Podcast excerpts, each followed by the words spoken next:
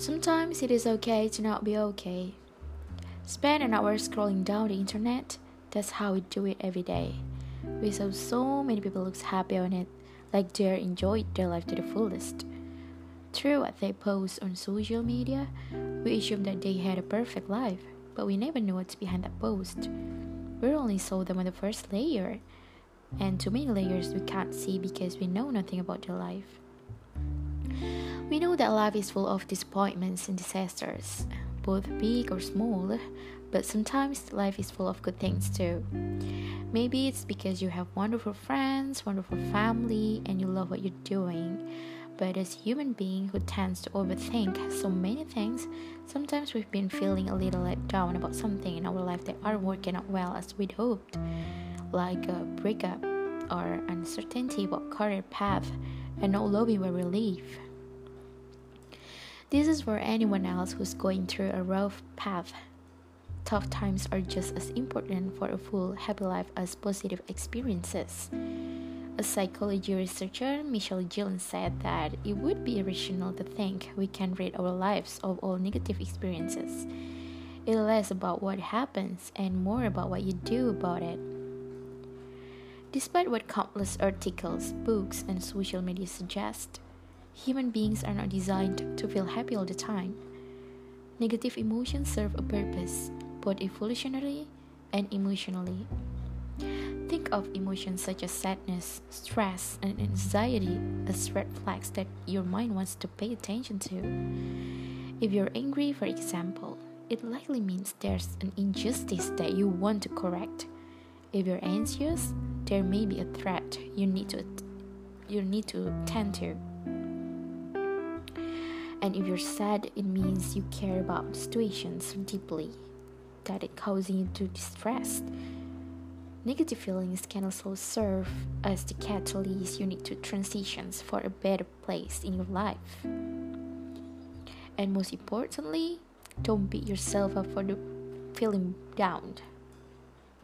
Trying to repress negative moods in favor of healing a bit can actually make you feel worse. In fact, people who accept their emotions both dark and light without judgment are better able to cope with stress and feel better in the long run. So, uh, here's a few tips to get through the tough times. First, taking a break. When you feel overwhelmed, when all of it seems too much to handle, taking a deep breath and a good break seem like the best idea. Step aside and did anything except the one that was really stressing you out till the time you started feeling better. Second, deep breathing. Sometimes when you feel like an anxiety kicks in, shut your eyes and take at least five deep breaths. And for every breath, count to three while inhaling, and then holding it for a count of three, and then again count to three while exhaling. So inhale the positivity, exhale the negativity. Third, writing down what you're grateful for. Trying to write what makes you feel grateful in a piece of paper or even on the notes. And after all, gratitude leads to a better mental health and well being, and happiness too, of course. I still maintain my gratitude journal. Finding things to be grateful for brings a kind of satisfaction, and that feeling is out of the word. Fourth, trying not to take a right back to the past. Yes, living in the moment is super important.